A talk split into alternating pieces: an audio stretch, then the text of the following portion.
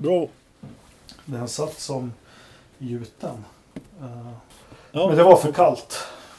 Det var för Ja, rått. för kallt? Ja, det var för rått. Vad fan.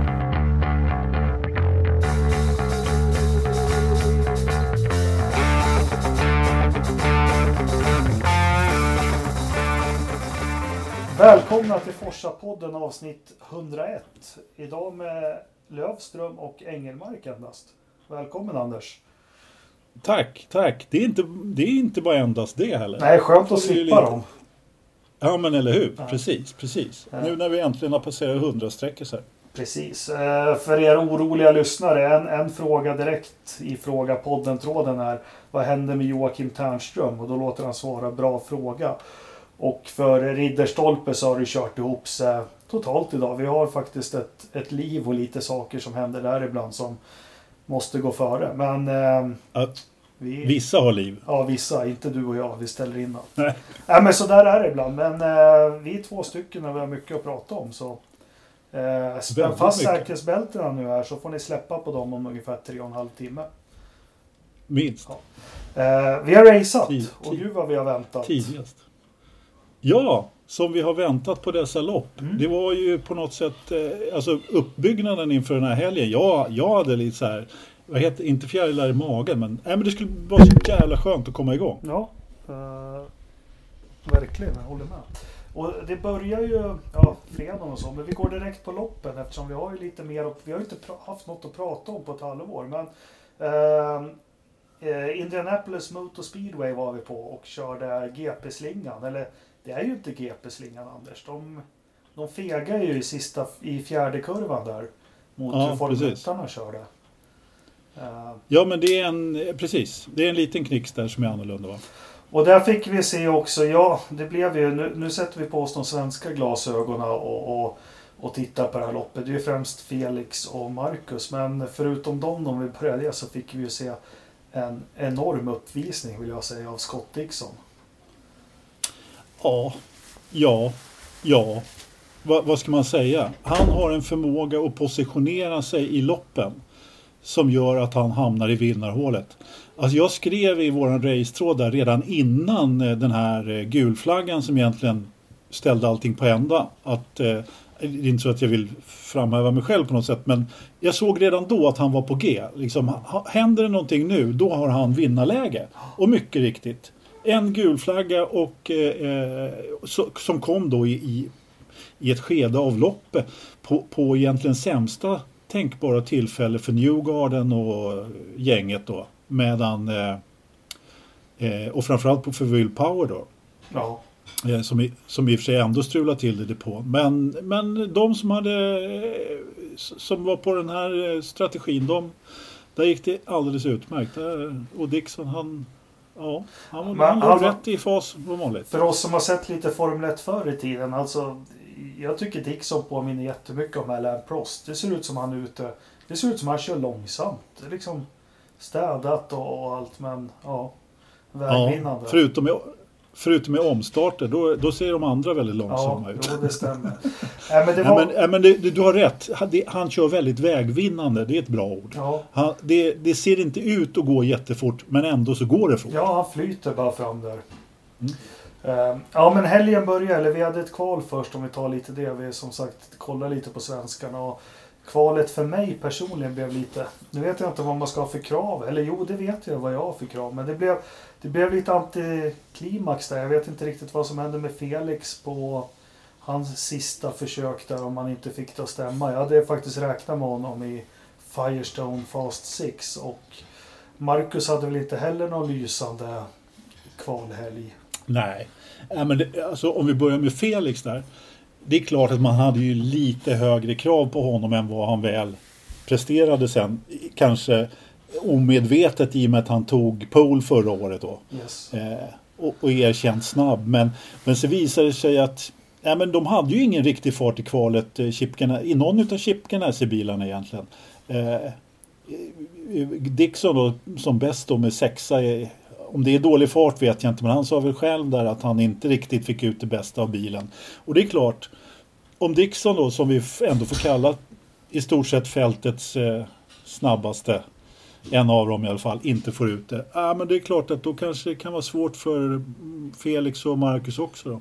När det gäller Marcus tycker jag så här att eh, han var han var tre, ja, vad var det? Han var tusendelar ifrån eh, Fast 12 i alla fall. Ja. Han var ju sjua i sin grupp. Och det det är en klassisk Marcus. Jag hade inte förväntat mig att han skulle stanna, starta högre upp egentligen. Utan det där var det där var ungefär vad jag hade förväntat mig att han skulle starta. Tycker inte du det? Jo, nej, nej, jag förväntar mig mer av båda faktiskt. Eh, eh, och sen, vi kommer ju till det, vilka typer av lopp de gör också. Men tänk om Marcus kunde, kunde ha fem sex placeringar redan från start högre upp så skulle han vara hjälpt av det. Men så är det För det är klart. Men, eh, och, och Felix hade, men det är ju som jag, jag är ju såna höga... Jag är ju ett fan av Felix, det gör ingen hemlighet. Och jag har ju så höga förväntningar också så en nionde plats Ja. eller sjunde plats eller åttonde plats det blir en besvikelse på något vis. Men, eh, Ja men så är det ju. Alltså, alltid, alltså precis som jag sa. Topp han tog pole förra året. Allt under topp fem är ju en besvikelse. Då, liksom. Två första startleden ska det ju vara. Eh, på något sätt.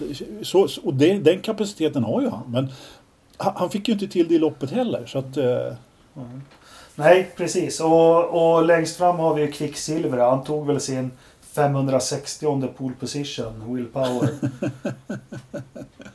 ja, ta bort en siffra där och det, det är Ja. inte så långt bort. Jag tror han har tagit över 50 poles. Va? Eh, någonting Men, men han är ju blixtrande snabb på tal om Dixon och körstil. Det syns ju när han kör den där silverpilen. Och han drog Ja. väl på rätt bra i starten också. Och där börjar det. Ja, tyvärr, det kommer väl på veckans Verstappen här. Men NBC som gör de här. Jag tycker de har riktigt kassa eh, producenter alltså. Men eh, jag såg direkt att Felix, han tappade väl fyra, fem bilar direkt i starten. Har det kommit fram något vad som hände där? Nej, han, gjorde han fick en dålig sekvens bara. Ja. Helt enkelt. Och bara tappade. Ja, Han tappade ju från eh, nionde till femtonde tror jag. ja. Eh, Om jag kommer ihåg rätt nu. Så att det var ju riktigt, riktigt... Eh, nej, han- han, kom ur sekvens i starten helt enkelt. Sen körde ju kan- Ganassi-bilarna gick ju på hårda däck. Men det kändes även i början också som att Dixon inte hade någon fart. Heller. Nej, det hade han ju. Nej, precis. De, de, de valde ju att ta, ta vet du, de hårda däcken först för att bli av med dem Mm. på något sätt. Och det har säkert lite att göra med eh, Felix första varv också. Att han, det tog lite längre tid att få temperatur i dem. Och det är klart, har man otur, alltså du vet ju det. Tappar, tappar du en plats så kan du tappa tre till hur lätt som helst. Det bara rinner iväg. Och Dixon, han, han hade ju verkligen rutinen och lyckades att hålla sin position eh, väldigt bra. Eh, det blev ju en lucka fram, men han blev ju inte omkörd. Nej. Samma sak med Marcus, han lyckades också hålla sina däck, väldigt, sina svarta däck väldigt bra. Och för, för den delen, eh, då, var, då skuggade ju Felix honom. Så att, eh, hela, I stort sett hela den stinten. Och sen då när de var med... Men jag blev ju förvånad att de bytte till röda så pass snabbt. Men Ja, det, Det blev var jag också. För så. det var det jag tänkte på. Medan Will Power försvann ju som att det inte fanns någon morgondag där i täten. Eh, ja, och jag satt ju och väntade på det som Lillöver sa i en intervju på hans brain fade skulle komma. För den kan man ju faktiskt räkna med. Han är ju lite Andrea de Cesaris. Det går blixtsnabbt men det håller inte ihop ett helt lopp. Skitsamma, men jag blev väldigt förvånad. Eller Ganassi-bilarna var bland de första i... Eh, då var det du eller någon som skrev de ville bli av med de svarta så fort som möjligt. Men skulle man inte kanske kört lite mer varv på dem eller? Jo, fast du vet ju så här att, att det, det går ju till en gräns någonstans. Att eh, går det fortare på de röda och de håller tillräckligt länge. Jag menar, det de hade, har de räknat ut att de kan köra två stinter på röda eh, eh, på det som är kvar. Eh, ja, då går ju det fortare än att fortsätta köra på de svarta som är eh, nu kommer jag inte ihåg hur mycket de sa att de var långsammare, men de var ganska rejält långsammare. Mm. Och jag menar, håller då... eh, Vet du, dessutom, de hade ju korta lopp i fem varv. Ja. Eh, nu kommer, kommer jag inte ihåg hur må- Så jag menar, kan du göra två stinter på röda då? Ja, men då är det ju det är ganska självklart egentligen. Ja. Eh, Jag tänkte inte på det då, men, men sen så här då när de gick in och bytte så bara, ja, ja men det är ju självklart att de byter så att säga. Ja, nej, jag tyckte de var Och- lite och- tidiga på det för att på något vis, eller det är klart, tappar de tid så vill man ju bli av med dem så fort som möjligt. Eh, För mig var det tvärtom, Ja. det kändes fel just då för stunden men nu som du berättar så känns det ju logiskt att man ja, får väck dem. Ja, det var ju det. Sen, kunde, sen var det ju några som kunde kapitalisera på det på slutet. Det var ju flera förare som var kvar på sina svarta där på sista stinten som hade svårt med fart. Eh, eh, men men eh, eh, bland annat så var det ju då, eh, nu ska vi se, vem var det som låg? Renus VK. Men han lyckades ju, jag tror att Marcus där som låg bakom och skuggade honom, han var ju helt, han, han var ju som på, över, under honom i stort sett sista varven där. Men jag tror att Marcus försökte att komma i mål helt Mm. enkelt eh, därför. Så att det var ju några som hade lite problem där på, på sluttampen, helt klart. Men sen tuffar ju loppet på. Det var väl inte vi som är bortskämda med Indycar. Det var ju inte jätteunderhållande eh, direkt. Eh, eh, men sen blir det en Safety Car, en Pace Car. Vem var det som... Jag har glömt vem Det som- var Oliver Askew som Just kraschade det, så var det. Där Marcus kraschade förra året va? Precis på samma ställe. Ja. Yes, så det går att köra av där för fler. Och det här ställde ju till det ganska rejält. Dels för Will Power, men sen... eh, Sen händer det något som inte jag har fått något grepp om alls förrän idag. För Felix ligger ju då före Marcus. Och med den här... Nej, Jo, men den här... han ligger... Skuggan, ja, skugga, skuggar ja precis. Marcus. Men Ja. med den här värdelösa eh, producenten som de har och allting. Helt plötsligt så är han ett... Jag fattar ingenting vad som hände där. Han fick motorstopp i depån har framkommit. Men det kastar ju om och, på ett sätt som inte gick att förstå. Nej, det kom ju ut på, alltså den här problemet eh, som jag har förstått det också var ju att eh, eh, Safety caren eller Pace caren plockade ju inte upp ledaren i loppet. Nej. Nej, och det är klart att plockar, plockar du någon mitt i fältet, ja men då hamnar du ju sådär snett liksom. Och då samtidigt som folk är i depå. Så att det var ju fullständigt kaos. Eh, och, och precis som du säger, eh, NBC-producenten Nej, det, den, det var svårt att hänga med där mitt i alltihop. För Felix fick klart. motorstopp om jag fattar det rätt. Och tappade Ja, ja han, han, eh, precis. Han fick motorstopp i depån. Vilket gjorde då att han inte kom ut. För det var det som jag blev så förvånad över. För att, att Marcus kom ut. Han, det uppfattade man, jag ändå i sändning att, att det strulade med Mm. tankriggen. För det bad de om ursäkt om på, på radion sen då, att det hade strulat. Men ändå så var han före. Mm. Så att uppenbarligen så, var, så hade Marcus liksom prickat sitt eh, depåstopp så hade ju han, jag vet inte om han hade skuggat Dixon direkt men han hade inte varit så långt efter. Han Nej. hade ju varit en utav de som hade kapitaliserat på det. Ja, men sen såg jag också att när Pacecaren... Och det var ju för att de inte... Jag trodde ju att... Ja, nu har ju Felix lagläge för han låg väl tvåa, trea i kön bakom Pacecaren. Ja, exakt. Men sen Precis. så... Ja, de hade ju inte kört ikapp sen. När de vart omsläppta Nej heller. precis. De släppte ju, släppte ju om tre, fyra bilar eller vad det var för någonting och de hann ju inte komma ikapp innan man släppte starten sen. Annars så kan de köra 43 varv bakom Pace Car i, i USA. Ja. Men nu helt plötsligt när de hade släppt av, om varvade bilar. Nej, då, då, eh, då fick de inte... eh, Då eh, vet du, så släppte de fältet direkt. Mycket märkligt Ja. på min ära. Jag tyckte det där var, sekvensen var jättekonstig verkligen. Och största förloraren på det här, det var ju trots allt Will Power. Ja, eh, det var ju det. Nu, eh, nu strulade ju han. Han gjorde ju sin brave fade ändå. Ja. Han, eh, han eh, stålade ju, eller fick också motorstopp i depån sen. Ja. Så är det. Ja, jo, absolut. Men det är ju det här, det är väl både tjusningen och det är vi som är uppfödda med europeisk racing som inte riktigt... Jag, jag tycker inte om när det blir såna här omkastningar. Det känns inte Nej, alls men jag, bra. håller, jag kan hålla med att det blev för mycket den här gången. Och vissa gick det ju naturligtvis bra för. Men, ja, men just för Will Power och, och, och gänget då som hamnade väldigt, väldigt långt ner från att dominera tillställningen. Det kan jag också tycka är lite väl. När ska de få ordning på tankutrustningen då i Husky-bilen? Det här är ju Ja, det kan man fråga sig du. jättekonstigt. Tredje.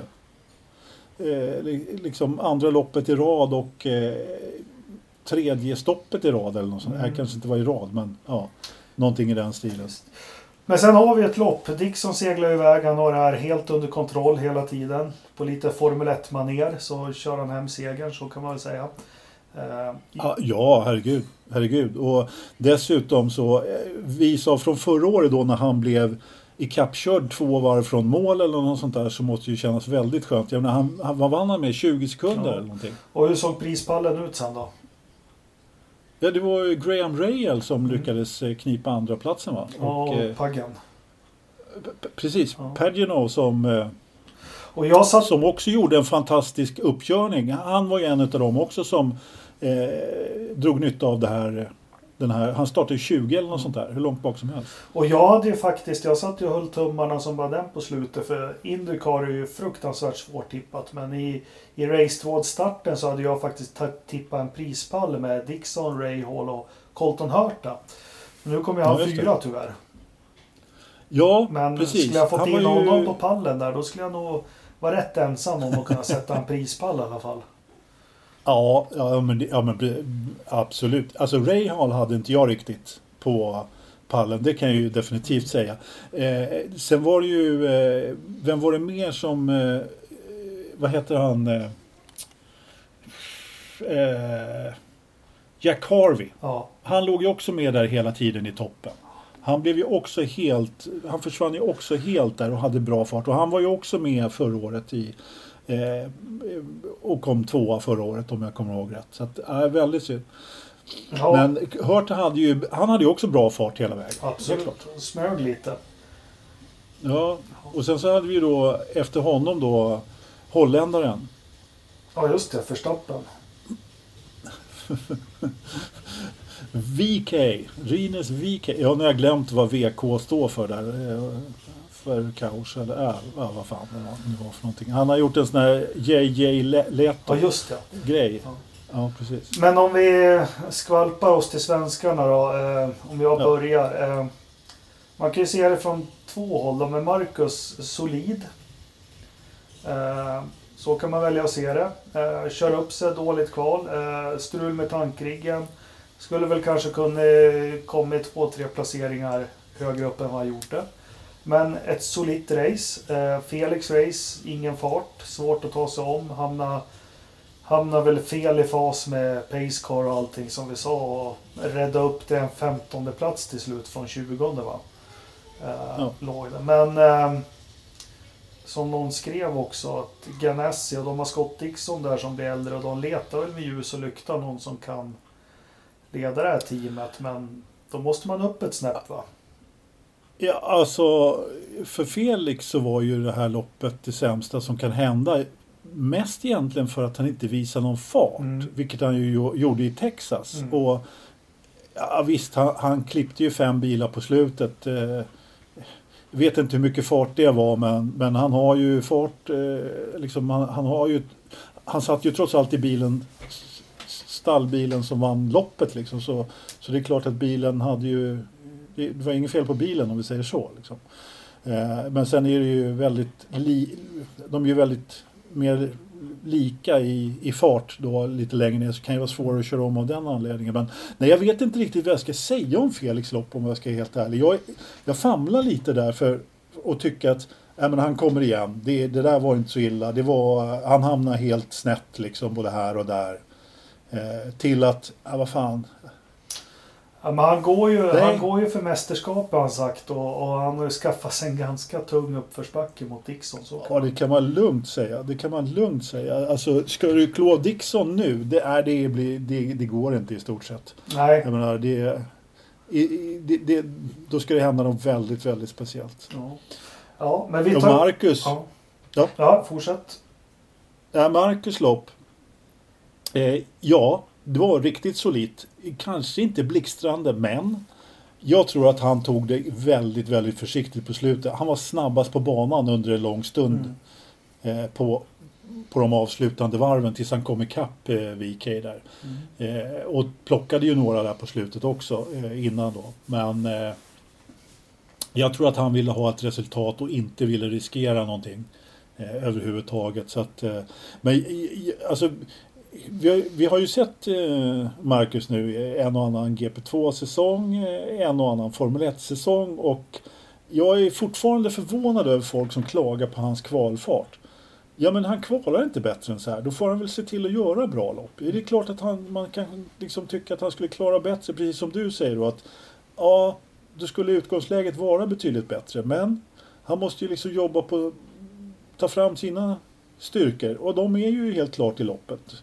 Hade han fått till det här eh, vet, du, eh, depåstoppet så hade han ju varit nära en pallplats åtminstone. Mm. Så att, eh, jag tycker att de ska jobba på...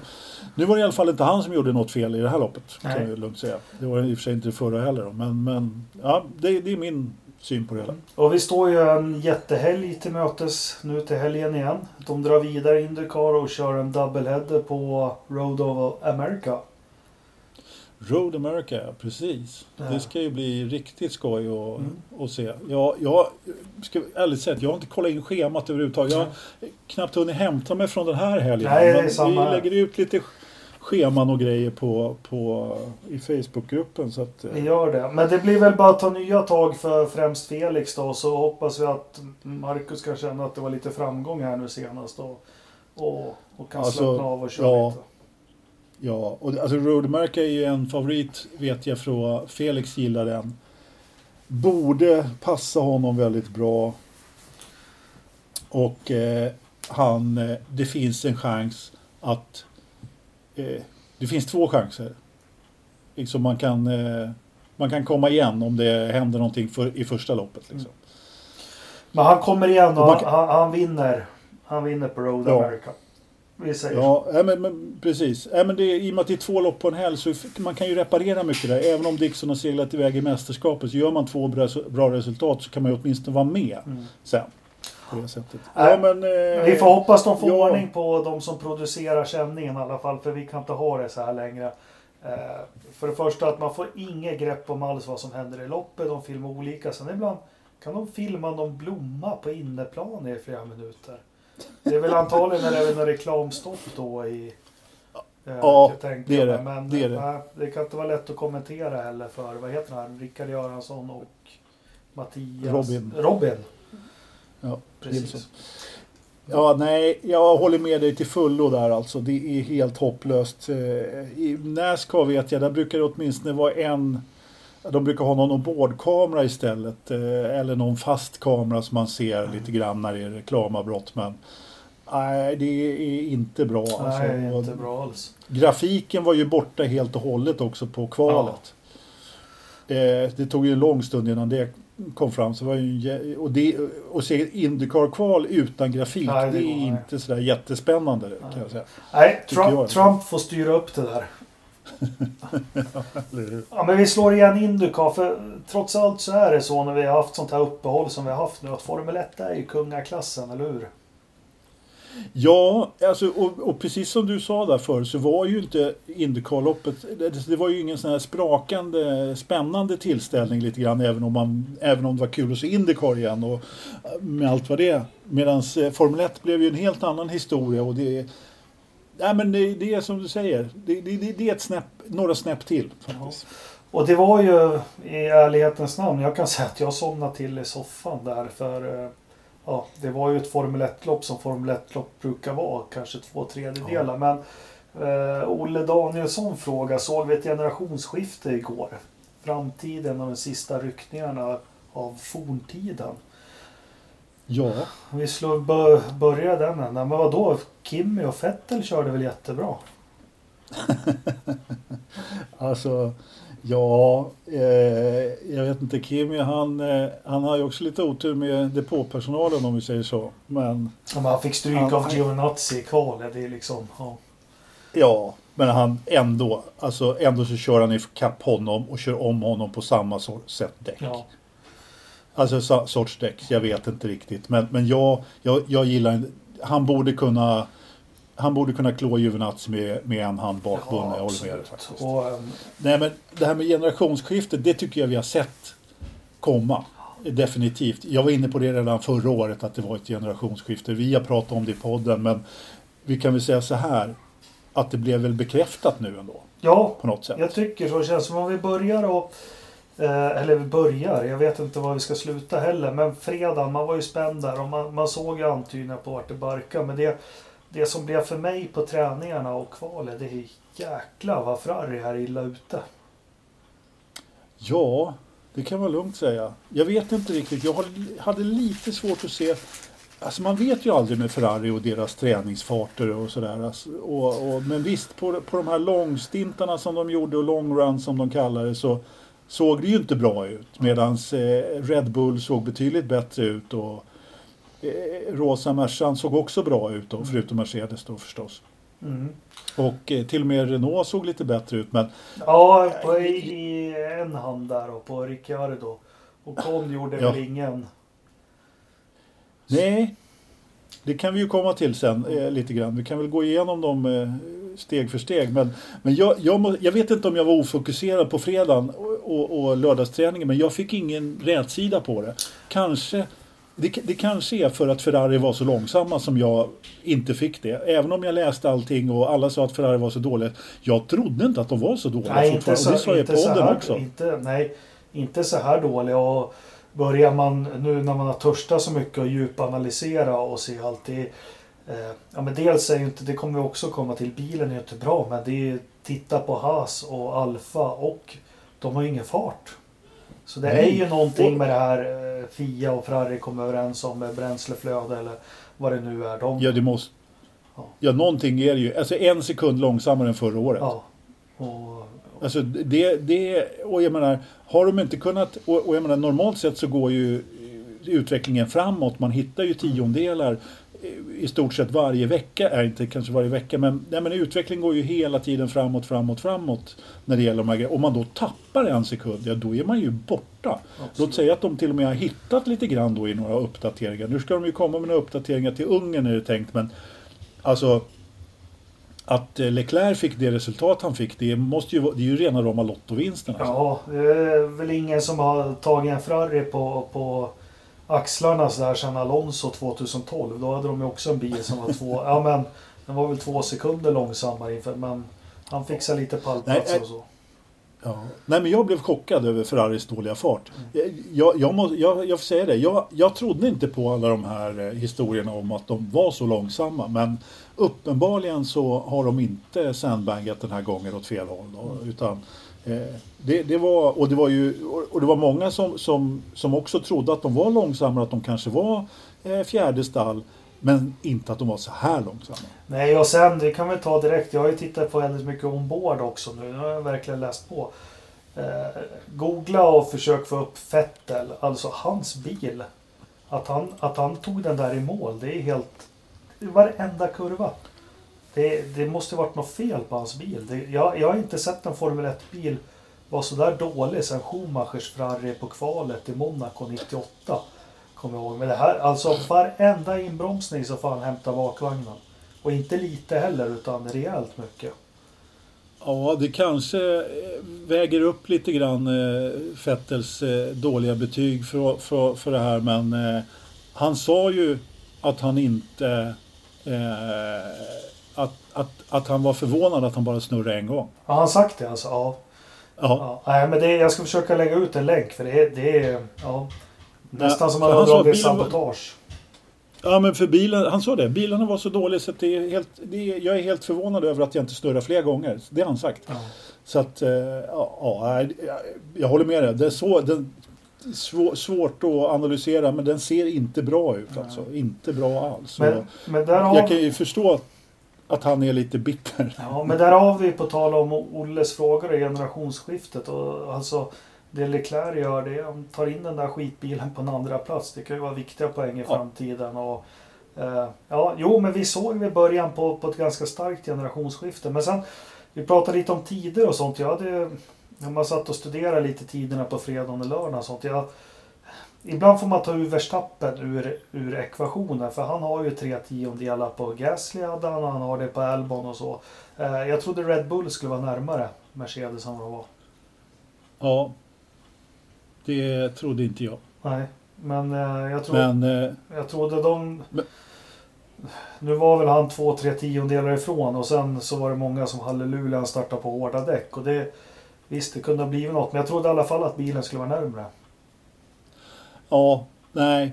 Ja, det övergav jag redan från början. Jag trodde inte det då. Och, eh, men, eh, mm, men, men, men det, det är intressant det där du säger. För det, han, han, han är ju precis, man får nästan ta bort honom lite grann nu, ekvationen, för, att- för att se hur snabb bilen är. Det är ju det är faktiskt betydligt närmare då mellan eh, Lewis och Valtteri än vad det är mellan mellan eh, Verstappen och, Mm. och Albon. Albon kanske kommer upp i fart lite grann men Ja, men sen hade de en nervös bil på fredagen också. Förstappen Ja. tappar den och Albon på samma ställe. Nog... ja, så Verstappen var ju ute i, han var, han var ju den som körde av mest i stort sett. ja. Och Gisses han var ute och, och i, i eh, Samfållen och härja eh, rejält alltså. Mm. Ja. Så att, ja, jag vet inte. Det, det, det, det, var inte Red Bulls helg om vi säger så. Nej. Nej men vi hade ett kval där i alla fall. Eh, om vi tar de tio första där, eller det som var mest spegla, som jag tycker är en stor jävla katastrof. Det är det här som hände med Hamilton. Och, alltså Formel 1 kan inte hålla på så här och besluta om en sak. Sen på morgonen när loppet ska börja så beslutar de något annat och hej och hå. Spelar ingen roll rätt eller fel. Alltså, eh, det här har vi pratat om förut i podden. Här är Formel 1 ute på tunn is och på djupt vatten. För någon gång måste de bestämma sig att det är ett slutgiltigt be- beslut. Alltså, jag, alltså det, skil, det som var... Jag håller med dig. 100 procent att man kan ju inte sitta och ta ett beslut som man gjorde här på felaktiga grunder. Vilket man gjorde visade det sig. Och då kan man ju tycka att det är rätt att de ändrar sig. Men på någonstans, det är Formel 1. En av de mest högteknologiska sporter i världen. Man har kameror överallt, i bilarna överallt. Varför tog man inte beslutet på den foto, eller på den kameran och med, med den filmen, den videon som man, som man tog beslutet på nu när man ändrade sig? Varför hade man inte tillgång till de bilderna? Ja. Eller... Det verkar ju helt sjukt liksom. Nej. Att, åh hoppsan, den här, den här kameravinkeln hade vi visst inte sett. Ja men då stämmer det ju. Ja men då får han tre platsers nedflyttning. Ja. Liksom en timme innan loppet. Det är ju skandal. Ja, jag tycker, jag tycker, eh, ja, då ska man inte ta ett beslut från början på något vis. För det här blir, det blir pajaserier. Nej men hur kan det helt plötsligt komma ny, nya bevis på ja, men det var som ju någon kamera som filmade? inte tillhör någonting. Jag vet inte om det är Fias kamera. Eller om det är Formula Ones kamera. Eller det, det var något sånt där. Jag läste det någonstans. Men skit samma, det är ju inte bra i alla fall. Men förutom det då, så kvalet så var det ju eh, Bottas. Ja, det är Ja, men- Bot- Bottas 4.0 nu. Så det kunde väl vem som helst förstå att han skulle ta pole position. Nej men, ja, men liksom den här, ja, men Red Bull hade ju uppenbarligen tillgång till den här kameran. Jag kan inte släppa det. Var, varför hade inte fi, domarna som dömer det? Då? Jag vet inte. Eh, nej, jag, jag, är, jag tycker det här är så dåligt. Det är nej, men eh, jag blev lite förvånad att Bottas tog det faktiskt. Nej, inte, inte det minsta. Eh, men- Men sen är det Säger ju... jag, även fast jag hade tippat Bottas då. Men, Ja, nej, inte det minsta. Men det såg väl ut som man trodde. Det var Bottas, Hamilton, Mercedes längst fram. Ja. Och så var det en Red Bull och så var det lite Force India. Sen så är det väl... Eh, tyvärr, Ricciardo fick ju inte chansen. Han hade ju ett bra varv på gång. Han hade ju faktiskt kört in som femma, sexa på träningar och kvalsimulationer och på de andra. Men Ja. han vart ju hindrad av den här gulflaggen som blev på grund av Bottas då. Så, Ja. Men eh, Norris kvalade bra. Kul. Ja, det var mer än kul. Alltså, och, och riktigt bra gjort. Re, alltså, att sätta ihop varv. Och sen, men det här som du säger nu att Ricardo, ah, han hade liksom kunnat starta femma, sexa där någonstans. För att han fick varvet förstört. Ja, men det är ju trots allt spe, spelets regler lite grann. Alltså, har du... Har du inte fått till ett bra varv innan, nej då startar du inte bättre än... Nej. eh, Ja, vad startar Visst är det du? så. Men det var mest som ta med an ekvationen hur, hur det såg ut. Jag, Mm. jag, tror, Jo, jag men tror inte en absolut. tionde plats. Jag tror han hade mer fart i sen en tionde plats som det blev nu.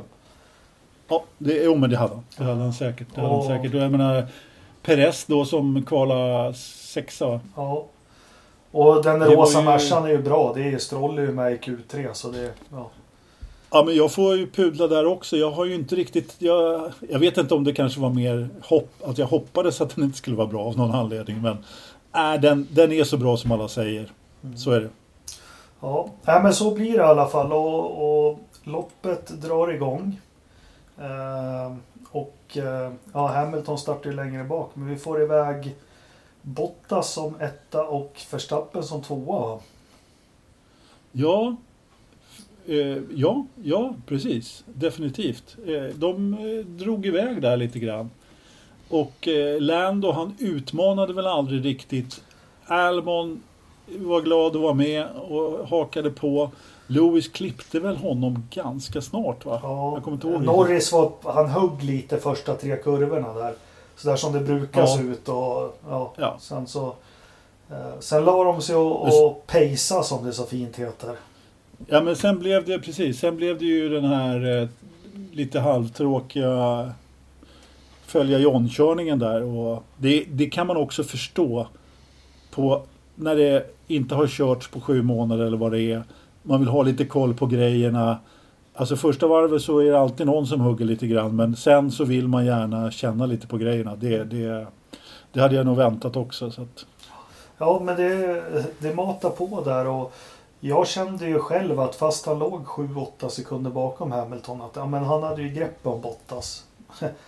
Eh, ja, men det kändes ju så hela tiden och tyvärr för Bottas skull så är det ju så det är. Han körde in in det, det försprånget eh, ganska lätt. Verstappen bryter.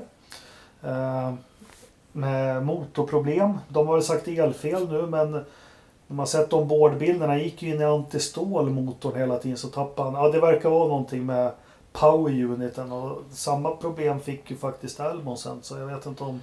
Alltså i, i sändning så sa Horner att det var någonting med hydraulikelektroniken men det, det var ju precis efter det. Ja. eh, Så. Eh, Jag har inte, faktiskt inte läst något efteråt om vad problemet var men det som du säger, det såg jävligt märkligt Ja. Men jag måste bara rätta dig där. Ham- Hamilton körde inte alls in de där sekunderna.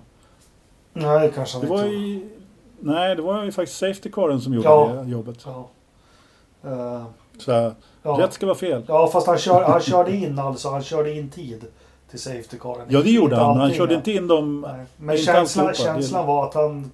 Nu vart det ju safety car, men han kör ikapp där och så kommer han plocka honom. Men som vi sa, Red Bull, om vi börjar där, då bryter Verstappen och det är ju tråkigt. Sen bryter ju faktiskt Albon eh, till sist. Ja. Och det här är ju oroväckande för Red Bull, eller? Eh, ja, det kan man lugnt säga. Mm. Eh, nu var ju inte Albons någon eh, mekaniskt fel då, då. Det var inte det. Eller det kanske var. Jo, han bröt ju. och- Det är hela det här snacket om som vi ska komma till sen. Att han kunde ha vunnit. Ja, han kanske skulle kunna. Men han skulle ju bryta även om. Ja, ja. Ja, men du har du rätt i. Det var mitt fel. Det är klart han bröt med tekniska problem efteråt. Ja, det är klart att det är problematiskt för... eh, Ja, ja förlåt, jag, jag var i en annan sek se- sekvens. Men eh, precis, allt det här om att han skulle ha vunnit. Eh, precis, han hade ju brutit ändå. Med, men Honda har ju uppenbarligen problem. Är Ja. På något vis. Och, och något som var väldigt överraskande det här loppet. Jag vet inte när jag såg så många bilar bryta senast. För vi hade ju Ricciardo bryter också. Jag vet inte vad han fick för problem. Eh, Kimi bryter. Vad har vi mer? Nu får du hjälpa mig. Grosjean och Ja, men- eh, Magnusen med bromsproblem båda två. Båda två med bromsproblem och de visste att de hade problem med bromsarna. Och ändå, för de fick lift och, köra lift and coast halva loppet i Ja. stort sett. Men det här var ju larvigt eller vad han sa, eh, Magnusen. Ja. Nej men sen bröt ju, den sista som bröt var väl Kvyat va? Med, han hade gått för hårt på kurben och sprängt ett däck. Precis. Och eh, vi hade väl fler som bröt också. Ja, Russell får Stroll bryta. också. Stroll får bryta. Ja, ra, precis. Så det var Det ett Russell- jäkla manfall. Det var bara 11 bilar eh, in i mål. Och sen får vi inte glömma att Mercedes var ju... Jag tror att de blev räddade av att det var så mycket Safety Car. För de hade ju superproblem med växellådorna. Med några sensorer Alltså, som vi... Det är svårt att veta hur, vilka, alltså, hur stort problem det där egentligen var. Jag har läst lite grann och förstått att ja, det hade ju inte gått att köra vidare om nu en sån här sensor hade gått sönder. Liksom. Nej, och och, och klart med vibrationer och allt vad det är för någonting. Så att, och, och det är klart, de, de skriker inte så där mycket på radion om det inte är kritiskt. Nej, och Sen inte ju- håll dig borta från det. Och det här är ju en curbsbana alltså. Här, här klättrar de ju verkligen på curbsen och det fick de ju inte göra. Eh, tydligen... Ja, och även precis när de säger att de kör inte på curbsen så båda två efter Mm. varandra så kör de liksom en meter in. De har bara en bi, liten bit av däcket kvar på asfalten. Ja men det var ju tydligen, det började på Bottas problem och problemet var ju tydligen värre på hans bil än på Hamilton. Så, och, Okej. eh, de hade ju räknat, var det James Allison jag hade en intervju, att de hade räknat med att en bil kommer inte komma i mål. Alltså så illa Ja. var det. Men eh, det ska vara ganska enkelt åtgärdat. De får väl köpa något s- Ja, de får köpa nya sensorer. Ja, Precis. de f- Precis. Ja men, eh, ja, nej, men det är klart, det där fixar de. Men det, det förvånar mig att de får samma problem på båda bilarna på det sättet. De brukar ha bättre koll men nu gick det ju vägen. Jag vet inte om du hörde radiotrafiken där från eh, Lewis bil. Ja. Eh, Får inte ens köpa de rödvita sa han. Eh, precis. Men alla är ju rödvita. Ja, precis. Ja. Nej, det var, men det, det var, så de, de klarar sig väl lite bra undan. Men 11 bilar kvar och Latifi höll på att ta poäng. Det skulle väl knäckt Russell rejält om han tog poäng. Men nu... Ja, men eller hur. Det hade ju varit en Kubica direkt igen. Jag tycker li, lite mest synd om Russell faktiskt som ja. var tvungen att bryta. För han hade, ju, han hade ju plockat en poäng. Absolut. Men då har vi, om vi kommer till det det pratas om, loppet somnar in ganska rejält. Eh, sen blir det lite Safety Car och vi hamnar, vi börjar där. Jag tycker Mercedes har gjort det här förut, väljer att inte ta in dem och sätta på fräscha däck när de andra gör det. Hur kommer det sig? Ja, på sista stoppet tänkte ja. du det ja. Mm. ja. Ja, men det har de ju naturligtvis. Och eh, jag förstår varför.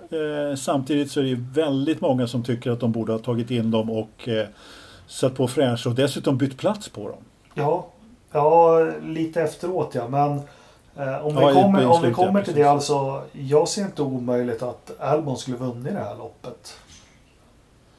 Om vi bara räknar pace och så. För röda nya däck mot gamla svarta med sargade Mercedes växellådor. Det, ja. Nej men de hade ju ingen bra fart, eh, Mercedesarna. Eh, just i och med att de inte då kunde gå på curbsen och, och precis som du säger gamla hårda. Alltså jag, för, jag fattade inte varför de tog hårda från början. Jag, hårda har aldrig varit däcket att köra på. Mm. Eh, nu, de har väl förmodligen mer data än vad jag, en enkel Forza-poddare fram, framför tv-soffan. Men alla gick på hårda utom eh, Perez. Ja. Som gick på medium. Ja, han och, körde ju sönder i... sina däck. De var väl helt slut. Sista varven där. Äh, ja, fast... Fast det som händer Anders, det är ju sista pacecaren. Det är då de kastar in Albon och sätter på honom röda däck och Merca stannar ute då. Precis, precis. Och det var ju det som var... Sen vet inte jag exakt hur mycket de hade tappat Mercedes om de hade gått in. Men de hade ju garanterat eh, klarat Albon i alla fall. Mm. Eh, och, och, och det, det hade ju gjort att eh, de, de hade i alla fall inte tappat banposition på det sättet. Så att, jag är inte förvånad att de inte böt. böt.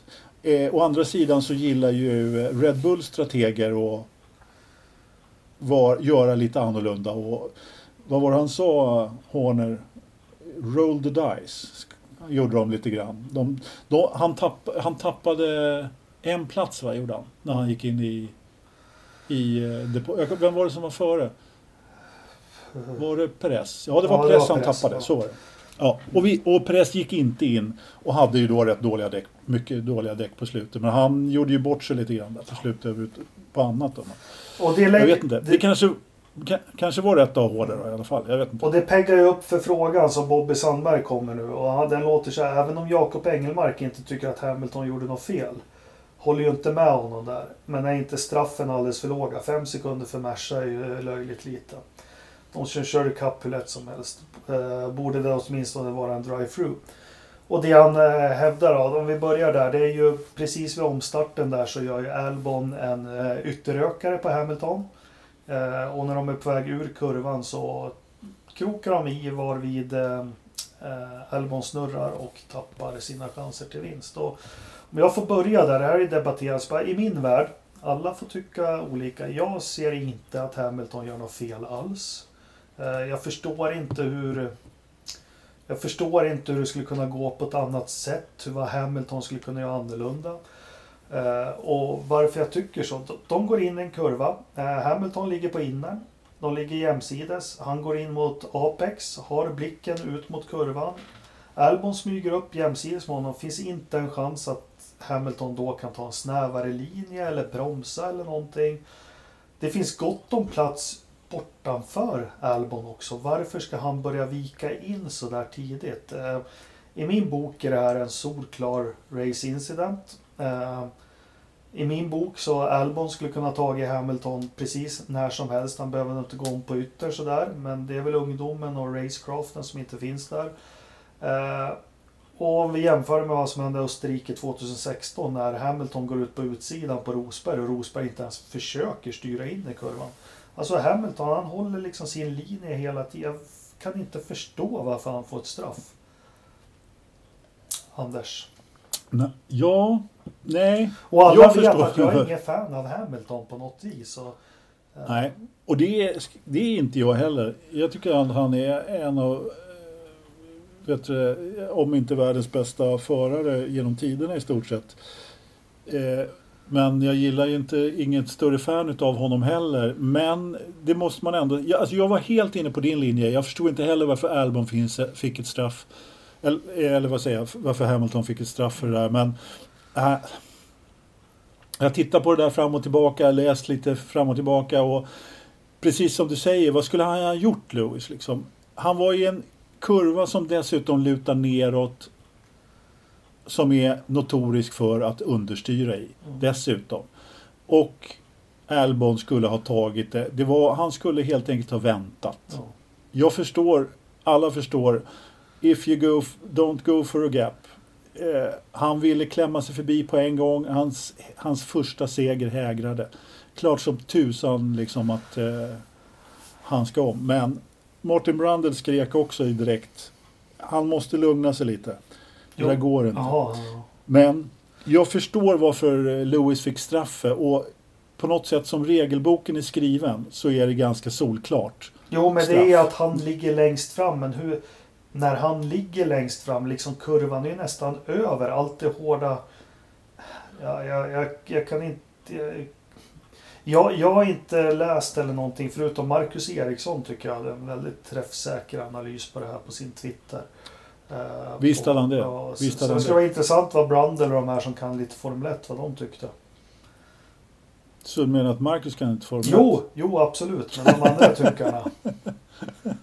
Ja, nej men han eh, hade nog en ganska liknande analys faktiskt. Men, men eh, framförallt då i direktsändning så säger ju just Martin Brundle att han eh, skulle ha lugnat sig. Det, det, var, det var det första han bara hojta. Eh, så. Och, och det kan jag verkligen hålla med om lite grann, även om hur svårt det än är på något sätt. Att det är ju också en del utav en förares storhet att veta när man ska vad, het, vad säger han Ricardo? Lick the stamp and send it. Ja, det är väl Science. Som Nej. kör Send It.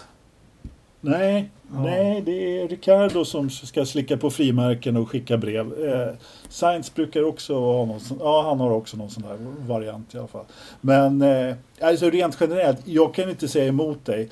Men å andra sidan så Lewis har accepterat straffet och som regelboken är skriven så får han ett straff för det. Ja. Sen gillar inte jag heller fem sekunder. Nej, och där, där, där har Bobby rätt och det här har vi pratat om. Liksom, vilket jävla...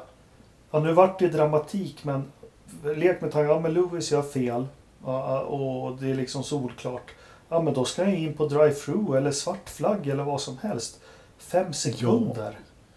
Fånig fem sekunder. Nej, det där måste de sluta med. Det, det, det har vi klagat på i flera år. Det är det värsta straffet jag vet. Fem sekunder. Precis som du säger. Och visst, alltså det finns väl kanske någon variant när man skulle...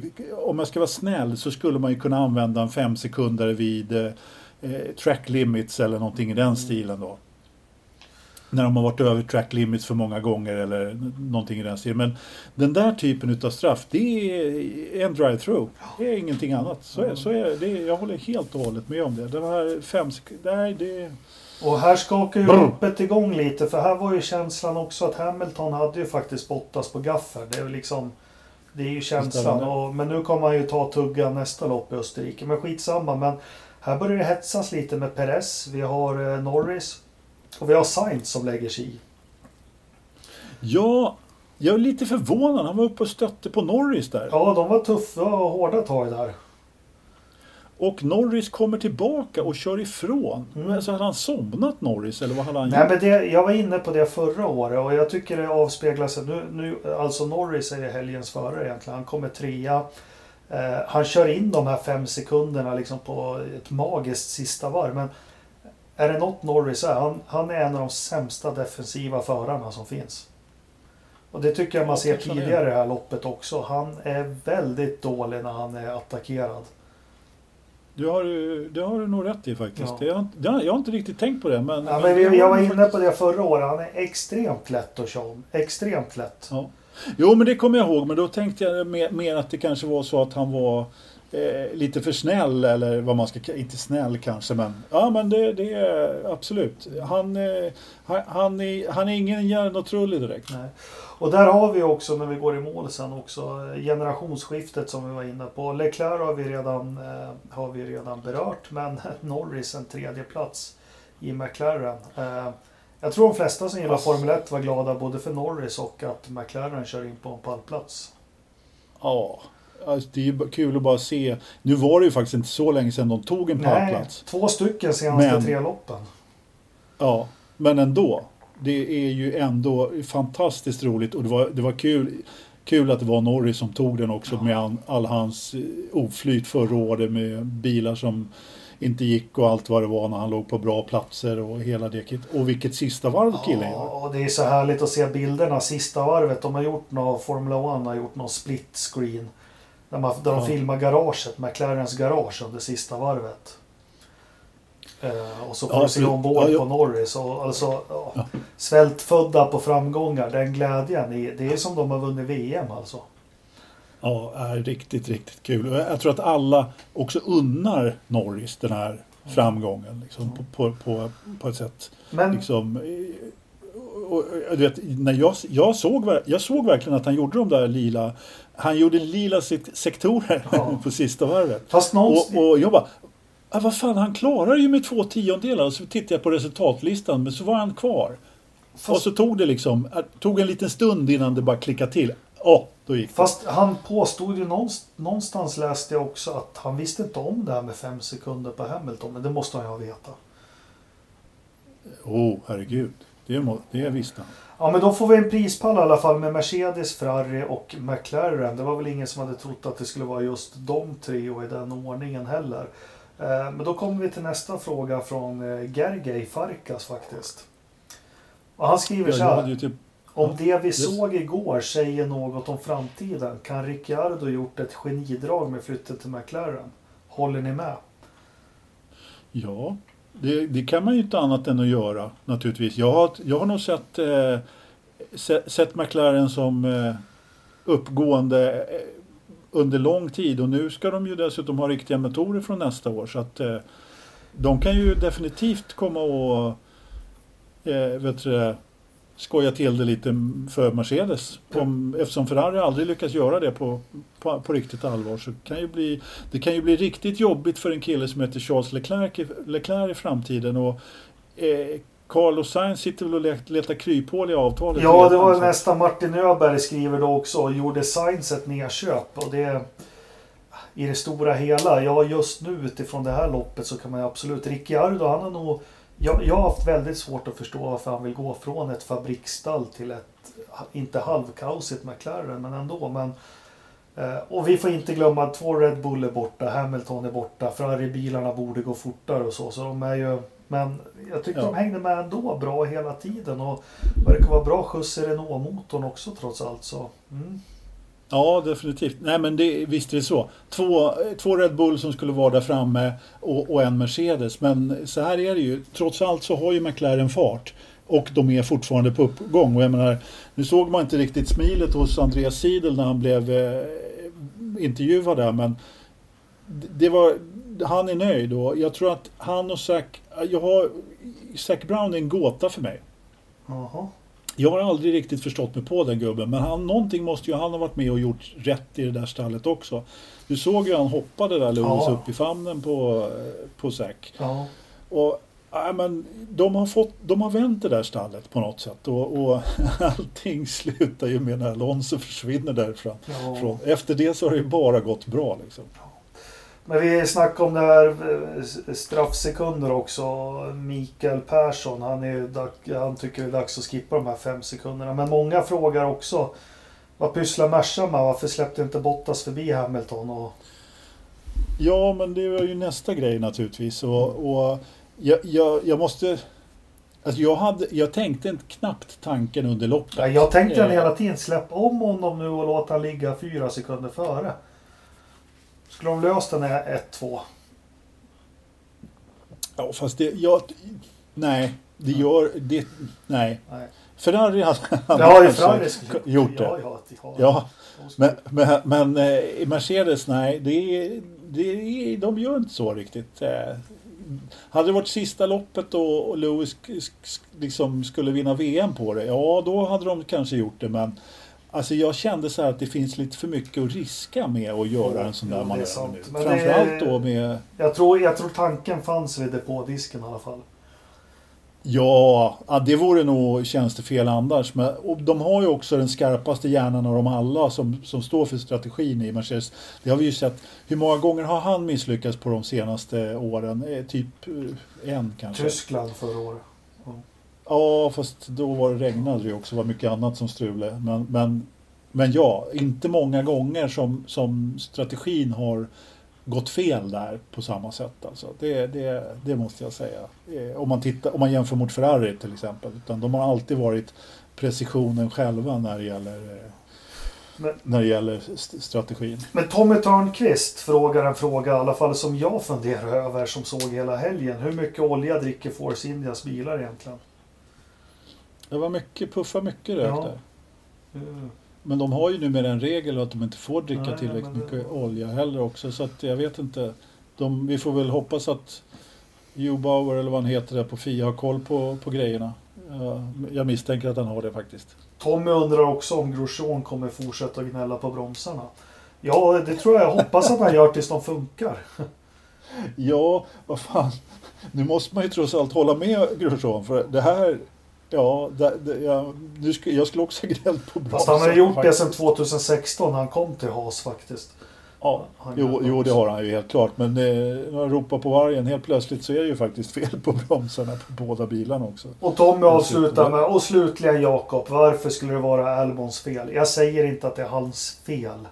Det här är, som det heter och heter alla, det här är race incident. Det, Ja, det, alltså i min värld är det bara så. Jag, Ja. Det behöver inte alltid vara någons fel utan det är omständigheterna blev så här. Jag tycker att mest ansvarig är väl Hamilton, eller eh, Albon i det här fallet. Han, ja. men han är ung, han lär sig. Han vill upp och stå på pallen han med. ja, men det är klart han vill. Det är klart han vill. Och det hade han ju gjort om han inte hade trasslat till det här. Nej, men, eh, jag kan se det på två sätt som, som sagt tidigare. Och, nej, Albons fel är det absolut inte. Men han var lite fet på gröten. Så, Eh, Mm. Vi pratade lite om det tidigare. Jag tycker vi, vi ägnar någon minut åt det. Måns Nordell undrar när tar Ferrari tillbaka den nikotin och hårvattendoftade Arriva Bene? För då skulle det bli lite jävlar i mig i ordning i pizzerian som man säger. ja. Nej men Ferrari här alltså. Eh, nu pratar de om att det är korrelation igen.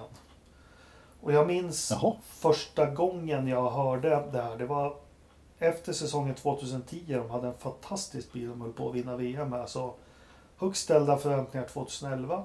Och lika 2012 hade de jätteproblem med korrelation mellan vindtunnel, CAD och vad som Ja. hände på banan. Och jag tänker, nu har ju alla sett med, vad heter han journalisten från Sydafrika? Ja. Mm. ja. Ja, kom igen. Dieter Renke. Dieter Enke med alla siffror han visar. Så mycket pengar Ferrari har. Kan de inte köpa en schysst dator som funkar? Det har gått 8-9 år nu. Mm. Man undrar ju. Man undrar ju verkligen vad de har gjort under det här uppehållet också. Eh, har de inte kommit till rätta med de här grejerna? Nej, jag, jag är chockad faktiskt. Jag trodde på riktigt att de hade att de skulle ha en annan utvecklingskurva med Binotto. Men jag har missbedömt det där. Jag trodde att de helt plötsligt skulle bli ett eh, lite närmare Mercedes kanske. Och, och, framför, och då menar jag inte Mercedes i fart utan då menar jag Mercedes i utveckling. Att man skulle ta saker och ting i liksom små steg och, och att man skulle ha bättre koll på grejerna helt enkelt. För precis som du säger, eh, de får betalt för att köra i Formel 1, det är inget annat stall som får. Och de har i stort sett högst budget av alla. Mm. Hur svårt ska det vara? Liksom? Och det, dels, jag, jag förstår ju svårigheten när inte siffror korrelerar. Eh, för hur vet de vad som är vad och när de ska göra uppdateringar till Ungern, hur kan de veta vad som är vad och vad de ska lita på då? Alltså det är en jätte... eh, tveeggat svärd de sitter i. Liksom, för ja, men gör de uppdateringar utifrån det de får på CAD eller vindtunneln och så blir det ännu sämre på banan och så. Men vad fan, få ordning ja, på det där bara. Ja men precis. Just, just det här att man när man går fel så går man ännu mer fel på något sätt. Man går åt fel håll istället för att ta små, små steg framåt hela tiden. Det är ju det man vill göra naturligtvis. Medan när man går, har hamnat lite snett då försöker man ta det här jättesteget framåt istället. Och Urban Dorbell det... håller med om det här att det ser onekligen tungt ut för Ferrari. Och han är inne på en sak som, som jag tänkte på i helgen med tanke på Corona och allting vad det får. Nästa år skulle vara nytt reglemente men de kommer köra med de här bilarna nästa år också. Det ja. ja. Kan de vända Men, på det här? Nej. Vad fan öppnade du en pilsner då? Nej. Nej, då, då hörde jag psh, någon annanstans. Jaha. Ja, ja. Nej men, alltså, upp, den här eh, avgasbränningsbränslefjutten, vad fan den nu heter. Den har ju, det verkar ju helt enkelt som att den har större eh, betydelse än vad vi har trott. Men jag trodde ju på något sätt att man hade hämtat hem åtminstone lite utav det där. Mm. Men jag menar, ha, komma till Österrike med en bil som är en sekund långsammare än förra året. Nej. nej, jag fattar inte. Jag är, jag, är, jag är fortfarande i chock. Ja, uh. Uh, ja, jag är fortfarande i chock. Uh, så är det i alla fall. ja, vi behöver inte dra hela resultatlistan men det är kul att det är igång. Jag var lite tveksam till det här med Doubleheader men jag ser inte alls något problem med att de kör på Österrike igen på söndag. Nej, det, jag har inga problem med det heller. De kör ju inte österrikisk GP utan de kör ju då dessutom Styria. Ja, just det. det. Ja. Nej, men det finns ju, alltså det, det, är ju några som behöver revansch också nästa. Jag menar, vi var inne på det här att det var väldigt många som bröt. Jag menar, du som kan, kommer ihåg alla lopp i F1-historia, när var det senast eh, nio bilar som bröt? Liksom? Ja, det, det, kan, liksom, det var Monaco 94 eller 6? 96, eller? Ja. då kom väl bara fyra i mål. Men, eh, ja, ja, men det har väl brutit nio dessförinnan, eller efter det. Men, eh, ja, jo, men det är men... jäkligt länge sedan alltså. Och här, var det ja, inte, här bröt de ju inte på någon startkrasch eller att de åkte ihop. Utan... Nej, Nej, det var så många mekaniska ja, fel dessutom. Känns konstigt. My ja, verkligen märkligt eh, måste jag säga. Alltså den som bröt på, det var ju Kimmy då och, och eh, eh, vad heter han, i Alfa Tauri, Kyato som bröt på lite sån, eh, på lite liksom kraschgrejer då. då. Mm. Men annars så var det ju i stort sett eh, hydraulik och motorer som, eh, som gav upp. För kung och fosterland egentligen. Så att, eh, alltså det är svårt. De brukar inte tala om exakt vad det är men på något sätt så undrar jag om det inte Ja, jag vet inte. det var något som inte var som det skulle i alla fall. Mikael Nilsson han undrar också, kommer 2020 bli ett nytt 2012 med många olika segrar? Eller sopar Merca svart och rosa vitt hem? Eller sopar Merca svart och rosa vitt hem allt? Ja, men det kan väl bli, det kan väl bli lite mer udda segrar. Jag tror inte Bottas tar två raka här nu men.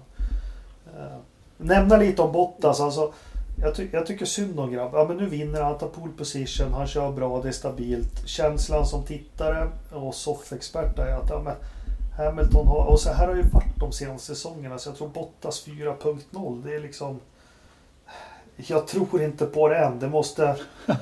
ja, men det är som Jerry Maino är inne på. Har Bottas knäckt Hamilton nu? Nej. Vinner han... Nej. Efter fyra lopp kan vi börja dra någon sån slutsats. Ja, eh, men eh, också återigen. Eh, Hamilton, han gör ju, han gör ju ingen bra helg. Han, han, han börjar med att få två straffpoänglicensen på kvalet och han får två straffpoäng på licensen i, i loppet. Han har aldrig vunnit i Österrike. Det har aldrig varit en bra bana för honom. Jag är beredd att tro att eh, Bottas kan ta en seger till. Ja, men 2012 tror du Anders?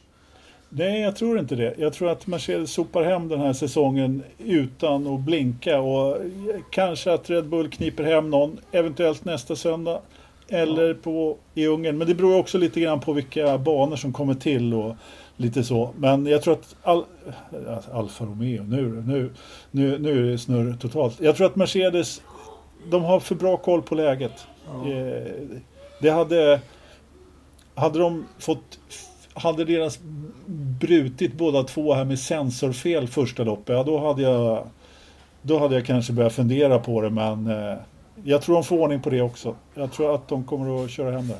Man blir imponerad. Nu är det 2014, 15, 16, 17, 18, 19, 20. Det är sjunde året. De bara driver på. De är innovativa. De utvecklas. Alltså, Ja men precis. det måste De- vara, de- ma- ma- många företag borde kanske göra ett studiebesök hos dem. För det är på något vis så liksom bara behåller dem och utökar avståndet hela tiden. Ja, men som vi var inne på lite förut, de tar ju små steg framåt hela tiden och går in och, och, och på något sätt har de lärt sig att inte gå fel. Och även om de tappar personal hitan och ditan så gör de rätt saker. Ja, det, jag, jag är oerhört imponerad av hur, hur de... Och framförallt, jag menar, den här sporten som kan vara brutal verkligen ibland. Alltså de har ju gjort en och annan tab- eller någon tabbe då, men ja, det var ju Tyskland förra året när allt gick åt helsike liksom. Men Annars så gör de precis allting rätt på helgerna också. Och sen så ska man inte glömma bort heller också att de har ju världens bästa förare i, som, som kör den där bilen också. Men det är det här som jag blir förundrad över Ferrari med alla pengar och resurser. Och det var någon som la ut en sån här rolig bild från Rush-filmen när Niki Lauda provkör den första gången. Att det är en Ferrari. Ja, Nej, skithögen, den är ja. skit. Eh, Ja, precis. Så här mycket resurser ni kan inte göra något bättre än det här. Men de, Nej, det var ju ingen som hade vågat sagt det än så tidigare. De bara, de bara nickade och hade bara ja-sägare i stort sett. men 2017 där, då når de upp på nivå med Mercedes lite. Men de kan inte rida på den vågen utan då dalar de 18-19 och så katastrof 20. Ja, ja. Nej, jag vet inte Ja, vad det är. Kanske inte ska avskriva det här året riktigt än men, men Jo, det ser det, ju vi kan bra avskriva det här och nästa år för dem. Jag kan inte förstå hur det ska liksom... Ja, Ja. kanske då. Ja, jag, jag säger faktiskt inte emot. Så jag hade så fel om dem. Så att det, det, det, ja, det är verkligen. Och jag, det gör det ju lite trist. För 17 så hade man ju ändå det här att ja, men nu är de äntligen på gång. Nu, de hade ju till och med bättre fart och ändå så lyckas de inte Mm. liksom, eh, sätta en, någon jättepress på Mercedes som återigen gör allting rätt. Allting rätt. Lövström. Ja, Alla vi andra har ju dreglat över Indycar och Formel 1. Men du har ju blivit dreglat ner dig själv över massa andra härliga serier. F2 och F3. Ja, jag såg ett Ja, kort men- klipp på F2 där och Schumacher var snabb men sen brakade han av. Vad, vad, vad hände i de här härliga klasserna där under? Ja, hände och hände. Äh, men, eh, jag gillar ju att titta på lite supportklasser också. Mest egentligen för att ha koll på jag gillar ju allt som rör sig, allt tävla på fyra hjul och, och framförallt så brukar man ju få se lite eh, bra racing faktiskt. I, framförallt F3 brukar ju vara riktigt, eller ja, framförallt i F2 med för den delen, men F3 mycket nya förare i F3 som jag inte har hundra koll på och inte jättespännande lopp om jag får sådär. Inga, ingen fantastisk tävling. Piastri slog till och vann första loppet. Eh, vi har ju en, en, eh, en dansk där som- i Vesti som kör Prema då som var fyra och eh, finns ju lite intressanta eh, namn trots allt i, i listan. Det är, om, man, om man rullar ner lite i listan så finns ju, finns ju både Schumacher och Schumacher och eh, eh Flörsch och Fittipaldi i, i resultaten. Men den, de är inte så där jättehögt upp. Alesi Eh, körde ju sönder en bil. Ja, precis. Det var, nu är jag inne på F3. Ja. Det var i F2 det. Ja, vi kan ta andra F3-loppet också. som- Fast du sa ju som- Schumacher, han kör väl? Ja, du menar Ja. Ralfs grabb? Ja, precis. Ja. precis. David? Han och precis, Da- David Schumacher. Han, eh, han gör ju ingen glad, att säga. Nu är han ju rookie här, va, så att vi får väl se. Men han, det ser inte ut som han har någon jättefart. Å andra sidan så ser jag andra förare som har varit bra i gamla Euroseries som inte heller får någon, har någon jättefart här i, i, i riktig F3 om man får säga så. Men, men jag som, som gammal boende i Estland, jag bodde ju trots allt där något år. Eh, Ja. Vad kör Vips för något nu? Ja, han kör ju Japan nu. För det gick ju rykten om att han väntar i kulisserna hos Toro Rosso. Ja, men han, ja precis. Att de bara ska ja, fixa hans superlicens. Ja, han, är ju, han, han behöver ju superlicenspoäng. Det är det som är problemet. Och, eh, han, skulle ju, han, han får ju köra till och med den här regionala F3-serien för att skrapa ihop några F3-poäng. Mm. I och med att han inte kan åka till Japan och köra som var tänkt. Då. Nej. Eh, så att, ja, vi, vi får väl se. Men eh, där har du ju en kille som är riktigt vindsnabb faktiskt. Finns Ja, ju en det- häst till. Jag tycker det är häftigt om esterna får fram lite racing också.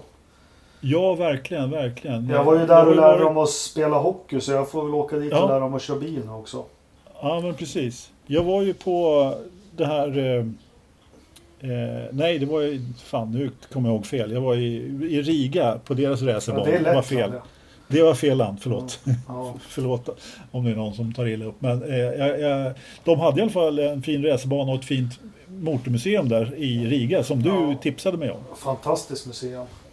Ja, riktigt, riktigt bra. Nej men eh, F3 var ingen jätteupphetsande tillställning. Tyckte att de tog det lite försiktigt faktiskt och sådär och, och så vidare. Men, eh, och det var samma sak i F2. Första loppet var inte heller speciellt händelserikt eh, sådär.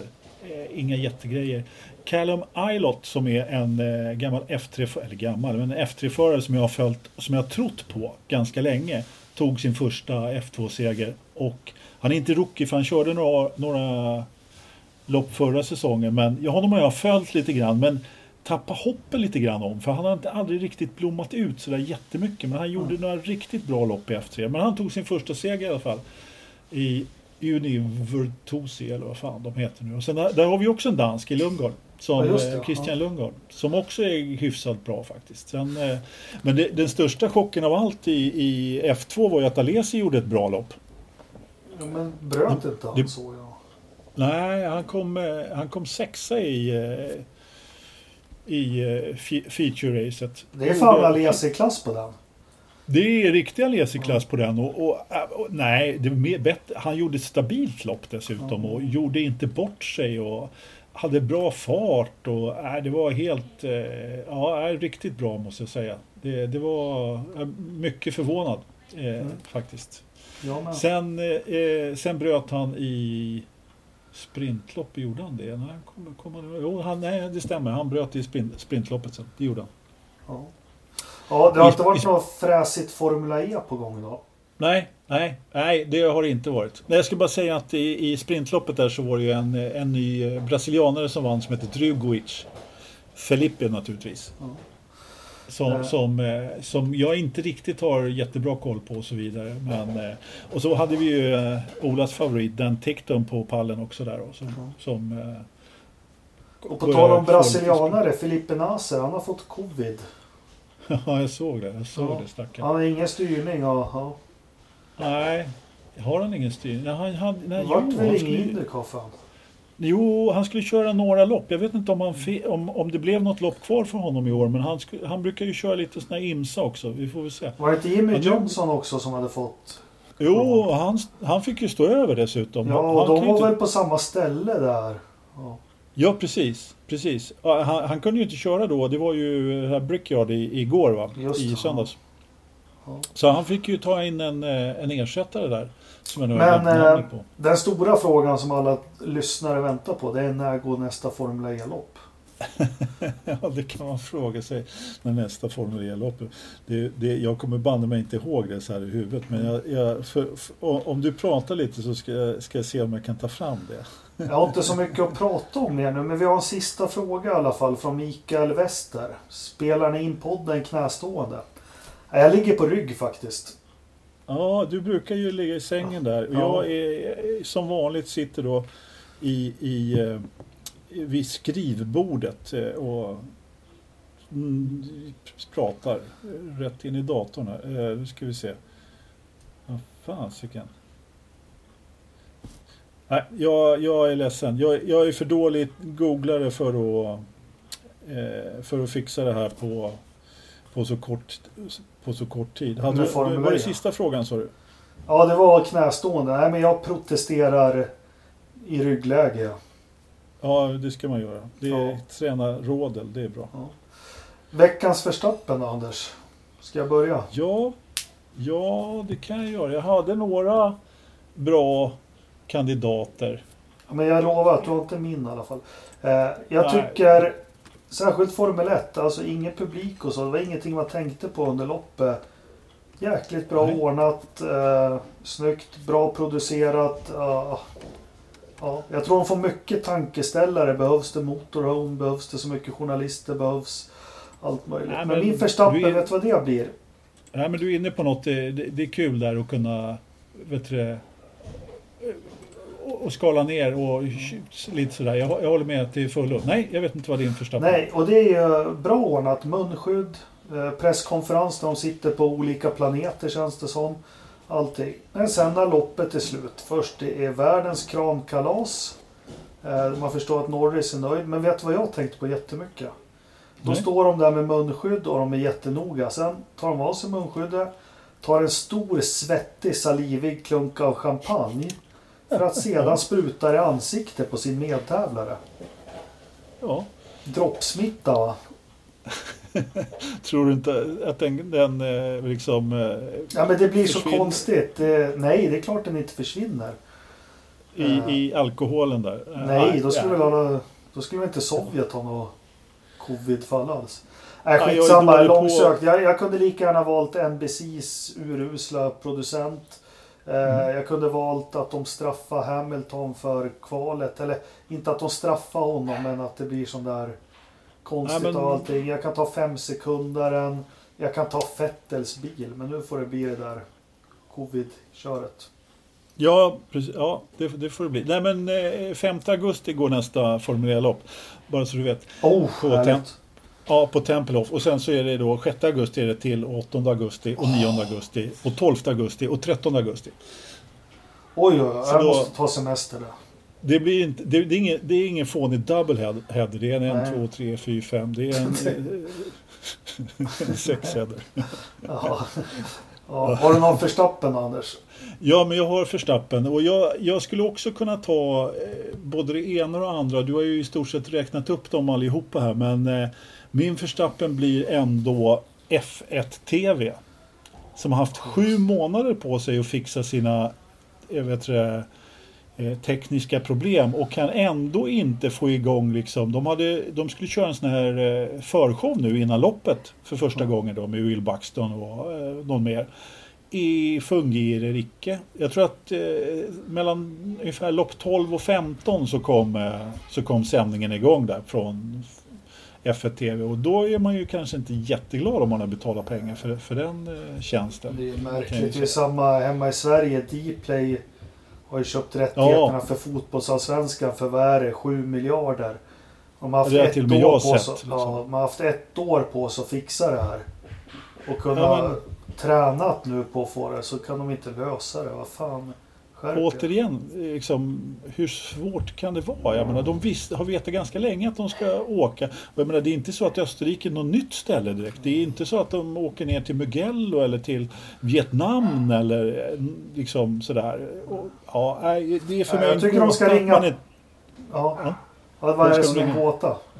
Nej, men det är en gåta att, de inte kan, att man inte kan testa en sån här sak innan för att se att det funkar. Nej, men det, jag förstår inte. Men vi vet ju, vi har ju en specialist på nätverk och sånt och det är ju Pastis. Och medan han väntar på samtalet från, från Liberty om att fixa deras F1 TV så mäter ju han väder i det. Ja, precis. Jag har ingen koll på vad det är för väder men jag gissar på att det är 20 20,2 i datorförrådet. 20,2. Vill du att jag ska slå upp vädret här? Ja, jag försöker ju avpolitera den här punkten men det... Jaha, men det går inte så bra. Nej, men då, då, då ska jag försöka slå upp det, men då måste jag faktiskt eh, eh, få några sekunder igen. Vad sa du? 20,3? Mm. Jag... Eh, jag... Eh, det är väder. Det är som du sa förut, det har ju det har inte varit någon högsommarvärme, åtminstone inte där jag befinner mig i Tullinge och inte i Västerås heller kanske. Nej. Men i Idre, där är det där är det banne mig 6,5 grader.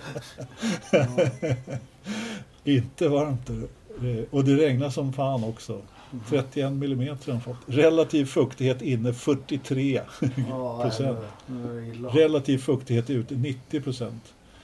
blåser inte mycket. Det är mulet och 999 hästar. Äh, det är 22,6 i datorförrådet så det var lite Ja. varmare. Ja, det har pip iväg. Ja, var men med det så tackar vi för oss idag och eh, Ja. hoppas ni har haft ett givande avsnitt. Eh, vi ses eller hörs igen om en vecka med en lite större panel än vad vi är nu. Och då har vi ju tre race att prata om. Plus Ja men det har vi. Anders är utblick i motorsportvärlden också. Ja, precis. Så, Tack för att eh, ni lyssnar. Ja, tack för att ni lyssnade. Trevlig helg på er. Jajamensan. Hej. Klok en idiot. Ja, Hej. just det. Hej.